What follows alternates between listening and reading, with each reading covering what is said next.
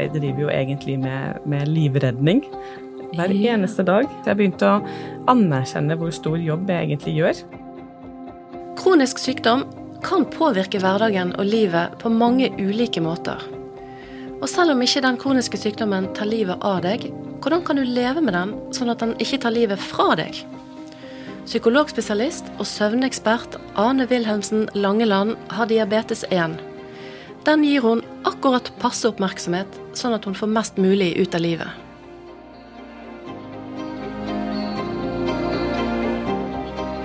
Du lytter til Klokt om livet, en podkast fra Lærings- og mestringssenteret i Helse Bergen. Mitt navn er Cecilie Thorsen, jeg er psykologspesialist, og jeg snakker med kloke folk som deler sine historier om hvordan de har navigert i møte med livsutfordringer, helseutfordringer eller store endringer. Historiene deres er unike, men temaene er allmennmenneskelige og relevante for oss alle. Mange vil kanskje knytte navnet ditt til um, noe helt annet. Sant? Det er en del som kjenner til deg fra mm. før. Ja. ja. For du er Noen, i hvert fall. du er, ja, du er psykologspesialist, og så er du jo mm. veldig kjent som søvnekspert, somnolog, mm. så jeg til og med. Mm. Er det det du kaller deg?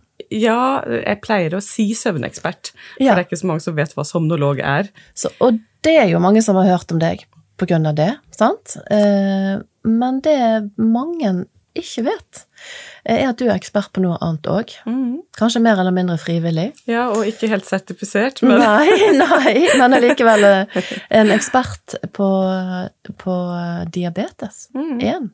Ja. Fordi du har diabetes 1. Mm. Ja. ja. Og derfor er du her i dag. Mm. mm. Du skal dele dine erfaringer om eh, det å ha diabetes, og mm. leve med det med oss. Ja. Og det er et tema eh, som jeg snakker med deg om med et sånn utgangspunkt med stor nysgjerrighet og stor respekt mm. for hva det gjør med eh, eksistensen din, ja. livet, rett og mm. slett. Mm. For det kan ha store innvirkninger. Absolutt. Så det, det, gleder jeg meg til å høre mer om. Mm. Kan, eh, de som hører på, de må vite litt. Hva, hva er den fysiske eh, De fysiologiske aspektene mm. med diabetes? Kan ikke du bare forklare oss det litt sånn kort? Jo, jeg tenker det kan være greit å, å skille tydelig på da eh, type 1-diabetes og type 2-diabetes. Der type 1-diabetes er at du enten ikke produserer noe insulin selv i det hele tatt, eller i hvert fall nesten ingenting. Til forskjell fra type 2-diabetes, der det går an å ta tabletter, det går an å på en måte endre på kost og livsstil, og så få mindre symptomer, mens ved type 1-diabetes så er det alltid eh, tilføre insulin, fordi at det er det som mangler. Så det er jo en um, insulinmangelsykdom, og ikke det man før kalte en sukkersykdom, for det har jo egentlig ikke så mye med sukker å gjøre. Men så det som insulin gjør, litt sånn kort fortalt, er at sant, de fleste av oss produserer jo det, um, og da åpner insulinet på et vis opp cellene, sånn at det sukkeret eh, som går rundt i blodet, og det er uansett hva vi spiser, det trenger å være mat med veldig mye sukker i, men eh, det omdannes alltid til sukker, det vi spiser, i blodet.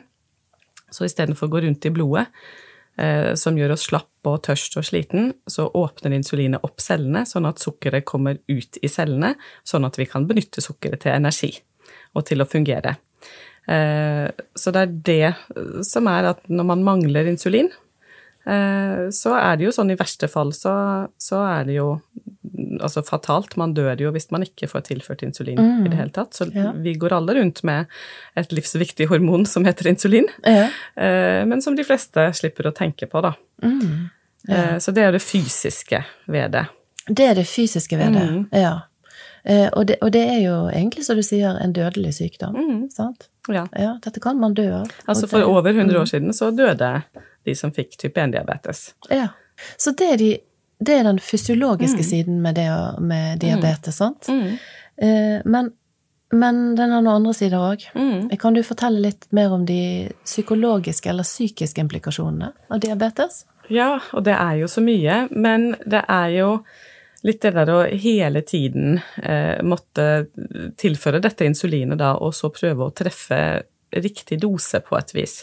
Eh, for det er jo sånn at um, altså både leger og sykepleiere, og kanskje folk flest, tenker jo liksom at å ha diabetes, det handler om å eh, ja, sette insulin, passe på blodsukkeret, eh, gjøre sånn og sånn. Eh, og at hvis man bare setter riktig dose insulin, så går det greit. Men så er det jo da sånn, og det vet jo alle som tror jeg kjenner noen med type 1-diabetes og som lever med det selv, at det å sette riktig dose, det er veldig vanskelig. Og det skal ganske mye til for å treffe hver eneste gang, fordi at det er veldig mye mer enn eh, den maten du putter i deg, eh, som virker inn på hvor mye insulin du trenger. Ja. Sånn at det at både altså vær og klima og sånn, hvor du er i syklus, eh, følelser, stress, søvn Alt virker inn på insulinbehovet. Nettopp. Så derfor er det lett for å sette litt for mye eller litt for lite, og så er det sånn bitte, bitte, bitte lite som skal til. Det er veldig Du kan nesten ikke se dråpen, på en måte. Så, så lite skal til for å kunne eh, endre på blodsukkeret, da. Ja. Sånn at det er på en måte det som er kanskje det Altså de psykologiske implikasjonene er at det ofte det kan bli mye sånn følelse av å ikke mestre eller følelse av å ikke få det til. Følelse av å ikke klare å gjøre den jobben man eh, på et vis skal gjøre. Mm. Eh, og hvis du da går rundt med litt for høyt blodsukker f.eks. over tid, så er det jo litt sånn at da, da har du ikke klart det helt. Da er du dårlig regulert, som man sier ja, da har ikke du fått det til å regulere det dette. Ja, mm. og da, da, blir det veldig fort at man begynner å vurdere mer enn bare blodsukkeret sitt, men også seg selv, på en måte, basert på, eh, på den, det langtidsblodsukkeret, da, som er liksom det målet man ofte ser på, eller det viktigste på en måte målet i forhold til hvordan det går med deg medisinsk sett ved diabetes type 1, så er det dette langtidsblodsukkeret som kalles HbA1c. Ja. Eh, og jeg husker jo Ja, sånn at nå har jeg holdt på å si lært, lært mye og eh, har nok kanskje et mer stabilt liv på én måte enn eh, da jeg var yngre, men da jeg var yngre, så hadde jeg ganske ofte altså et for høyt langtidsblodsukker. Jeg husker den følelsen jeg kom på sykehus og på en måte fikk vite, for jeg var litt sånn flink pike, og da vite at jeg egentlig ikke hadde fått satt nok insulin. Det var ekkelt. Sant? Det var en følelse av at jeg ikke helt fikk det til. Men det høres ut som det er viktig å være klar over den mekanismen. At man kan bli fort opptatt av det å være flink, ja, er jo ja. noe man De fleste av oss vil kjenne oss igjen i at vi blir opptatt mm. av i livet, men her har man til og med et mål på det. Ja, ja. Mm. ja og så går det på, på kroppen. Den store, stygge eh, faren eh, ved diabetes type 1 er jo det der at hvis ikke du setter nok insulin, og hvis du har da eh, for høyt insulin over lang tid, så kan du få senkomplikasjoner. Ja. Så det òg er jo noe man på en måte får høre mye om. Man kan bli blind, man kan Ja, det er alvorlige ja, senkomplikasjoner. Nyrevansker, man kan måtte amputere bein, og man ja. kan få sånne eh, smertetilstander eh, under føttene, og Så det er, ja, det er ganske mye alvorlige tilstander som kan skje, sånn at det ligger alltid litt der i bakhodet. Um, og det du sier om de psykologiske implikasjonene eh, å ha diabetes, tenker jeg kan føre til eh, mange reaksjoner når en får diagnosen. Mm. Og over det å ha diagnosen. Mm. Både angst og bekymring, mm. og, og, frykt, ja. ikke minst, for helt konkrete ting som faktisk kan skje. Mm. Men kanskje mm. mer en sånn generell bekymring for at en blir engstelig for mye som en ikke mm. helt vet, men det kan sette seg, for å si det litt sånn enkelt. Ja. ja. Ja, og det er jo veldig mye Det er jo noe forskning som også viser at eh, blant de som har type 1-diabetes, så er det opp mot 40% som i hvert fall har symptomer på angst litt sånn utover normalen. Ja. Eh, så det er både dokumentert, og jeg, jeg, treffer jo som psykolog selvfølgelig mange som har Altså, de kommer jo til meg fordi de har noe de ønsker å jobbe med. Mm. Så jeg har truffet mange med type 1-diabetes med ganske mye angst. Så det er jo et, et kjent ja. eh, holdt jeg på å si, tema, det. Mm. Um, ja, og nettopp det at både det at det er litt sånn praktisk i hverdagen, du må liksom passe på å ha nok utstyr i hus, du må passe på at du ikke går tom, sant, eh, og du kan ikke bare løpe på butikken, det er apoteket eller det er eh, behandlingshjelpemidler. Sant? Ja, for hverdagen preges i stor grad. Ja, du må, ja da, du må liksom Mm. hele tiden ha nok utstyr i hus, så det er jo på en Ja. måte det, sant. Og så er det jo eh, det der med å Ja, hva skal jeg, og hvordan skal jeg holdt på å si, legge opp eh, blodsukkeret og insulin, hvor mye skal jeg sette, fordi jeg tenker visst. Så det blir jo hele tiden litt sånn vurdering. Det blir vurdering ut ifra hva skal jeg spise nå, og hva skal jeg gjøre senere, hvor fysisk aktiv skal jeg være, um, og passer det å få lavt blodsukker. Så det blir liksom veldig mange det er, Jeg har tenkt over at det er veldig mange medisinske avgjørelser man må ta Ja. uh, hver eneste dag og bortimot hver time sant, når man har type 1-diabetes, uh, som har ganske stor betydning. Og det er jo ikke legene eller diabetessykepleierne som behandler oss. Sant? Nei, Vi det er du behandler jo oss sjøl. Du snakket litt om at 40% kan ha Ja. angst? Ja. men det er mange som kan ha depresjonstilstander Ja. i ulik grad òg. ja. På grunn tenker, av å ha diabetes, Så det er jo Mm. veldig logisk, tenker jeg. Ja, jeg tenker både angst og depresjon er egentlig ganske logisk, for det er både det at um, det er jo nok bekymringer i livet sånn for de fleste uten en kronisk alvorlig sykdom. Eh, og det at du, når du da får både disse her senkomplikasjonene litt sånn hengende over deg, du kan kanskje få en følelse av Hvis man ikke ligger på en måte innenfor målområdet, så kan man få en følelse av at man ikke er god nok eller ikke får det til, som kan gi en eh, sånn depressivitet. Du har både den der med bekymring og det med litt sånn her og nå. Um, så, så det med depresjon tenker jeg ikke er så rart, og når det gjelder angst, så er det jo også det med at både lavt og høyt blodsukker, kanskje mest lavt, det kjennes ut som litt sånn kribling i fingrene, du blir litt sånn svimmel og rar i hodet, du kjenner litt sånn, litt sånn kaldsvetting, kanskje litt kribling i beina, eh, og også kan det gå litt sånn på pust og i halsen og sånn. Så det er jo egentlig ganske lignende symptomer som det er på angst. Ja. Sant? Ja. Hva syns du er de største utfordringene med det å ha diabetes, eller kan, kan du dele noe med oss? Hva, hva du kan bli skikkelig frustrert eller fortvilet over? det syns jeg er det mest frustrerende, er jo det der at det er så Altså at, at jeg kan få disse komplikasjonene langt frem i tid, og at jeg må være så veldig på en måte bevisst på det Ja. nå. Så jeg tenker at det ligger mye ansvar på et vis, og så legger jeg sikkert en del på meg selv også. Eh, men jeg, ja, så det er på en måte litt, så, det er jo litt sånn frustrerende, i hvert fall hvis jeg føler at jeg har gjort det jeg bør gjøre, um, og likevel så har blodsukkeret blitt annerledes. ja. Eh, Så det, det kan være veldig fortvilende og frustrerende, pluss at jeg da føler meg veldig uvel. Da blir jeg blir dårlig, jeg blir kvalm og trøtt og uvel Ja. eh, hvis jeg får for høyt blodsukker. Så det, det er jo én ting. Og så er det den andre tingen som jeg syns er altså innimellom frustrerende, men som jeg bare gjør av rutine og av, og av vane, det er jo det å på en måte hele tiden hva skal jeg si, ha det i bakhodet. Sant? Hva er blodsukkeret, og hva skal jeg? Og den derre kontinuerlige, egentlig, planleggingen. Det var noen som hadde skrevet og beskrevet det som dette som å ha en fulltidsjobb. Mm. Det er bare det at du får ikke lønn, Ja. eh, du har aldri fri, Mm. eh, og du kan aldri slutte. Nei, nettopp. Har du noen måter å forholde deg til å ha diabetes som hjelper deg? Ja, det har jo forandret seg. Eh, når jeg tidligere tenkte at eh, jeg skulle bare tilpasse diabetesen til livet mitt, eh, og ikke livet mitt til diabetesen, det var sånn jeg tenkte veldig lenge. Eh, og da tenkte jeg litt sånn jeg skal gjøre alt jeg vil. Eh, det skal ikke stoppe meg fra noe at jeg har diabetes, jeg får heller planlegge og ta med meg ting. Eh, så har det forandret seg litt.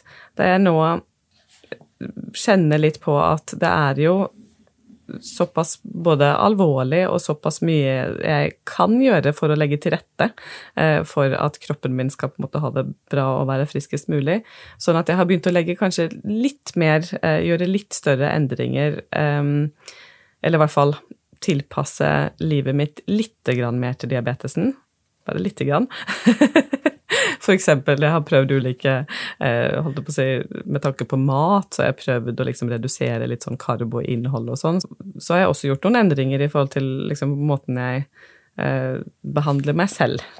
Eh, ikke bare det, disse praktiske For det er det det ofte blir. Det blir sånn det praktiske. Det blir medisiner, og det blir mat, og det blir sant. Mm, ja, så hvordan du behandler deg selv? Ja, Hva mener du det er med det? nettopp det. Ja? Ehm, nei, mens jeg før kanskje kunne være litt sånn åh, eh, 'dette var ikke bra nok', eller 'du burde jo klare bedre enn dette, for dette her burde du jo skjønt'. Sant? Jeg kunne være litt sånn streng med meg selv Ja. eh, før. Eh, mens nå er jeg, er jeg nok litt eh, mindre streng med meg selv, og litt mindre kritisk overfor meg selv. Å lære seg selvmedfølelse og gode mestringsstrategier i møte med både sykdommen og de utfordringene som følger med, det kan utgjøre en stor forskjell. Et eksempel på det er hvordan du snakker til deg sjøl, og hvordan du snakker om deg sjøl. Det å klandre deg sjøl eller kritisere deg sjøl, det kan stjele masse kraft til å håndtere både sykdommen og tilværelsen. Mens det som er til hjelp, det er å snakke til deg sjøl på en støttende og på en oppmuntrende måte. Omtrent som du ville snakke til en venn.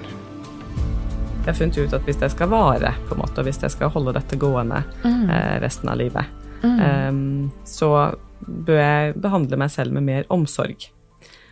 Ja, hvordan gjør du det? ja, hva gjør Det er da? mange måter å gjøre det på, sant? Ja. Eh, og da er det litt mer sånn at jeg, når jeg da Ja, altså hvis det er sånn at jeg har bommet på insulindosen, da, mens jeg tidligere sa litt sånn åh, du burde jo ha skjønt herlighet. Jeg kunne være litt sånn, litt sånn krass og si sånn nå var du en skikkelig idiot. Jeg er ikke så kritisk, i hvert fall. At jeg er på en måte mindre kritisk. og Mindre kan, kritisk og mindre streng? ja, kan si litt sånn eh, hvis jeg, hvis jeg skal tenke meg hva sier jeg, litt sånn ja ja, ok, sånn ble det. Da satt du for litt insulin, da, eller da, da ble det sånn. Og så får vi satse på å ta nok insulin. Ja. Eh, eller så får jeg får tilføre nok insulin nå, og så går det sikkert over. Så litt sånn ja, at jeg vurderer, dømmer meg ikke, ikke meg selv like mye, og tenker litt mer sånn at hvordan ville jeg Hva ville jeg sagt til en annen? Nettopp. Eh. For jeg ville jo ikke sagt Mm. Like vanlig med deg sjøl som Ja. det ville være overfor en annen? Ja, for jeg ville ikke sagt til en annen med diabetes herlighet for en idiot du var, du skulle ikke spist det der. Eh, og jeg har også jobbet med det selv. Eh, at dette her med å bli mer omsorgsfull og, og ja, ha mer omsorg for meg selv, Ja. rett og slett. Og der kan det jo gå en hårfin balanse mellom å føle at nei, nå er jeg veldig egoistisk Ja, eller selvsentrert. selvsentrert. Det skal man helst ikke være. Ja. Sant? Eh, men det er jo en forskjell på å være Mm. selvsentrert og ha selvomsorg. Ja, ja. Ja. Og det har jeg jo tenkt at jeg har liksom prøver å skrive litt om, rett og slett, for meg selv. Sant? At det å være ja, opptatt av meg selv, eller ja, akkurat selvsentrert, at det blir mer, mer egenomsorg, og det blir mer Og jo mer jeg på en måte tar vare på meg selv og har en frisk kropp og en fungerende kropp og et fungerende hode, jo mer kan jeg eh, både bidra overfor mine barn og min familie, men også i jobbsammenheng. Ja. Så jeg har liksom snudd det litt, eh, Ja. mens jeg Ja, definitivt. Du skal vare. Jeg har lyst til å vare. både for deg, for din Ja. egen del, men for de andre rundt deg som gjerne vil ha deg der òg. ja, ja. Mm. Og det er jo en prosess. Det tok jo Jeg hadde hatt diabetes i ganske mange år før jeg begynte på den prosessen. Ja. Så det er jo kanskje det jeg på en måte er mest opptatt av å jobbe med når det gjelder eh, kronisk sykdom og sånn, sant. Når jeg jobber med, med andre som har det, så er det disse tingene her, det å hvordan håndtere når du ligger si, utenfor målområdene, og når ting kanskje ikke går helt som det, Mm. eh, som det er forventet. Det syns jeg er kjempeviktig. Jeg sitter og tenker på det begrepet aksept, eller erkjennelse. Ja. Um, uh, og med det mener jeg uh, en erkjennelse av at nå er det sånn. Um, uh, dette må jeg forholde meg til. Sant? Når jeg spør hvordan forholder du deg, og hvordan lever du med det? Og i aksept så ligger det jo òg det ordet kan man mene en del om, sant? men noen kan bli veldig provosert av det ordet at Ja. dette må man bare akseptere, at du har diabetes. Men, men aksept eller erkjennelse betyr jo ikke nødvendigvis at en trenger å like det, Nei. eh, eller at det er greit, eh, eller en slags resignasjon. Sant? Tvert imot. Det å, det å akseptere noe og erkjenne at ja, sånn er det for meg, det kan nærmest være et utgangspunkt for endring. Mm. Og at det er en god måte å ha det på, at nå er det sånn for meg. Ja. Jeg må ta vare på meg sjøl. Ja. Ja, absolutt. Og de tingene man faktisk ikke kan forandre. Ja. For det er jo sånn at har man type 1-diabetes, så kan man faktisk ikke forandre det. Nei. Og man kan mislike det, eh, men man kan ikke forandre det. Nei. Og da tenker jeg òg at det er aksept det er jo et ord som mange får litt piggene ut av, Ja, det er det. eh, og som kan bli litt stresset over. Eh, eller ja føle at jeg kan ikke bare akseptere noe så stort eller noe så forferdelig. Det sant? Det er mange som har sånne tanker, men jeg tenker jo òg at det handler mer om at det er sånn, og det er min kropp. Og jeg kan jo på en måte kjempe mot det og være så sint og frustrert jeg bare vil, men det er jo likevel min kropp og min helse det går på. Ja. Og hvis jeg bruker veldig mye krefter på å kjempe mot, Mm. så blir det både livet veldig slitsomt, pluss at det kan Konsekvensene blir på min kropp. Eh, sant? At man kanskje må sørge litt over hva man har tapt også. Ja, for jeg kan tenke, la oss si du får denne diagnosen i voksen alder, Mm. sant? Så, så jeg vil jo være veldig naturlig å reagere Mm. på det, sant? At, at man har en slags fase der, det er jo vanlige reaksjoner, sant? Mm. Eh, Der man reagerer på det, eh, og det må man få lov til, før en ja. kan gå videre og nærmest reorientere seg. Mm. Ja, for det tenker, eller sånn jeg tenker på det, da, det er jo at eh, hvis du sant, mister en nær person eh, som dør, så er det jo ingen som sier eh, ja, men nå må du bare komme deg tilbake til dagliglivet så fort som mulig, og så ordner dette seg. Sant? Da sier folk ja, men nå må du ta deg den tiden du trenger, og sorg tar tid. Ja. Sant? Men når du får en kronisk sykdom, og spesielt type 1-diabetes, som er jo, sant, som vi har snakket om nå, eh, det er et stort funksjonstap. Sant? Det er jo egentlig en livsviktig funksjon som går Ja, tapt. det det. Eh, og så må du gjøre veldig store endringer. Da blir det kanskje ikke like mye snakket om at du skal sørge over det funksjonstapet det Nei. egentlig gir. Eh, og det er på en måte tapet av frihet. Hva hjelper deg, Ane, til å. Ja. Leve et rikt og meningsfullt liv med diabetes? Ja, nei, det er igjen Jeg tenker når, rundt, rundt 40 så begynte jeg å tenke at uh, livet mitt kunne jo bli gans, ganske langt. Og jeg begynte liksom å tenke litt fremover. Legger godt an. ja. Så tenker jeg liksom uh, Så det som hjelper meg, det er jo mye det å, å ha lyst til å, uh, både være en frisk eh, eldre person Altså jeg tenker ganske mye fremover nå, mer enn jeg gjorde før. sant? Mm. og det har nok hatt en sånn Det er nok en sånn alder, bikke, bikke 40, så er det ja, et eller annet som skjer. Så det er akkurat som jeg på en måte ser for meg meg selv som gammel Ja. langt ned i løypen. Eh, har lyst til å være en, en sant, altså mor og bestemor som fungerer. Eh, har lyst til å eh, holdt jeg på å si, få mest mulig ut av livet lengst mulig. Har ikke lyst til å ende på noe Altså har ikke lyst til å bli ligg, sengeliggende de siste 10-15 årene. I flere av disse podkastepisodene så refererer jeg til Søren Kirkegård. Søren Kirkegård var en dansk forfatter, filosof og teolog som levde sånn cirka på 1800-tallet. Og han var veldig opptatt av eh, vår egen sjølforståelse og hvordan vi ser oss sjøl, og hvordan vi utvikler oss som mennesker gjennom livet.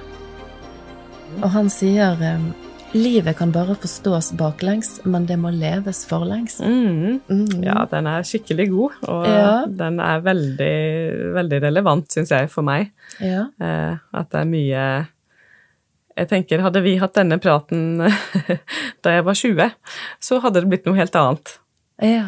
Eh. Så jeg tenker jo òg at um, Forstår du deg baklengs? Ja, det, uten tvil. Ja. For du var bare tolv år når du fikk denne diagnosen. Ja, ja, det var jeg. Det, når jeg var tolv, så tenkte jeg at alt dette må jeg bare gjøre. Eh, ok, da må jeg gjøre sånn, så må jeg gjøre sånn, og så må jeg gjøre sånn. ok, sånn er det. Sånn tenkte jeg da. Um, og så var jeg litt sånn at jeg ville ikke snakke med venninner så veldig mye om diabetes. Jeg skulle bare på en måte styre det sjøl, gjøre det sjøl, ville ikke at noen skulle blande seg. Ville ikke at foreldrene mine skulle blande seg engang. Jeg ble bare irritert. Nektet de egentlig å, å blande seg og involvere seg så veldig i eh, min diabetes. Jeg har i ettertid innsett, Ja. sant, bakover, eh, så har jeg kunnet opp, har jeg oppdaget eh, og innsett for meg selv hvor mye tid og krefter jeg egentlig har brukt på det. ja.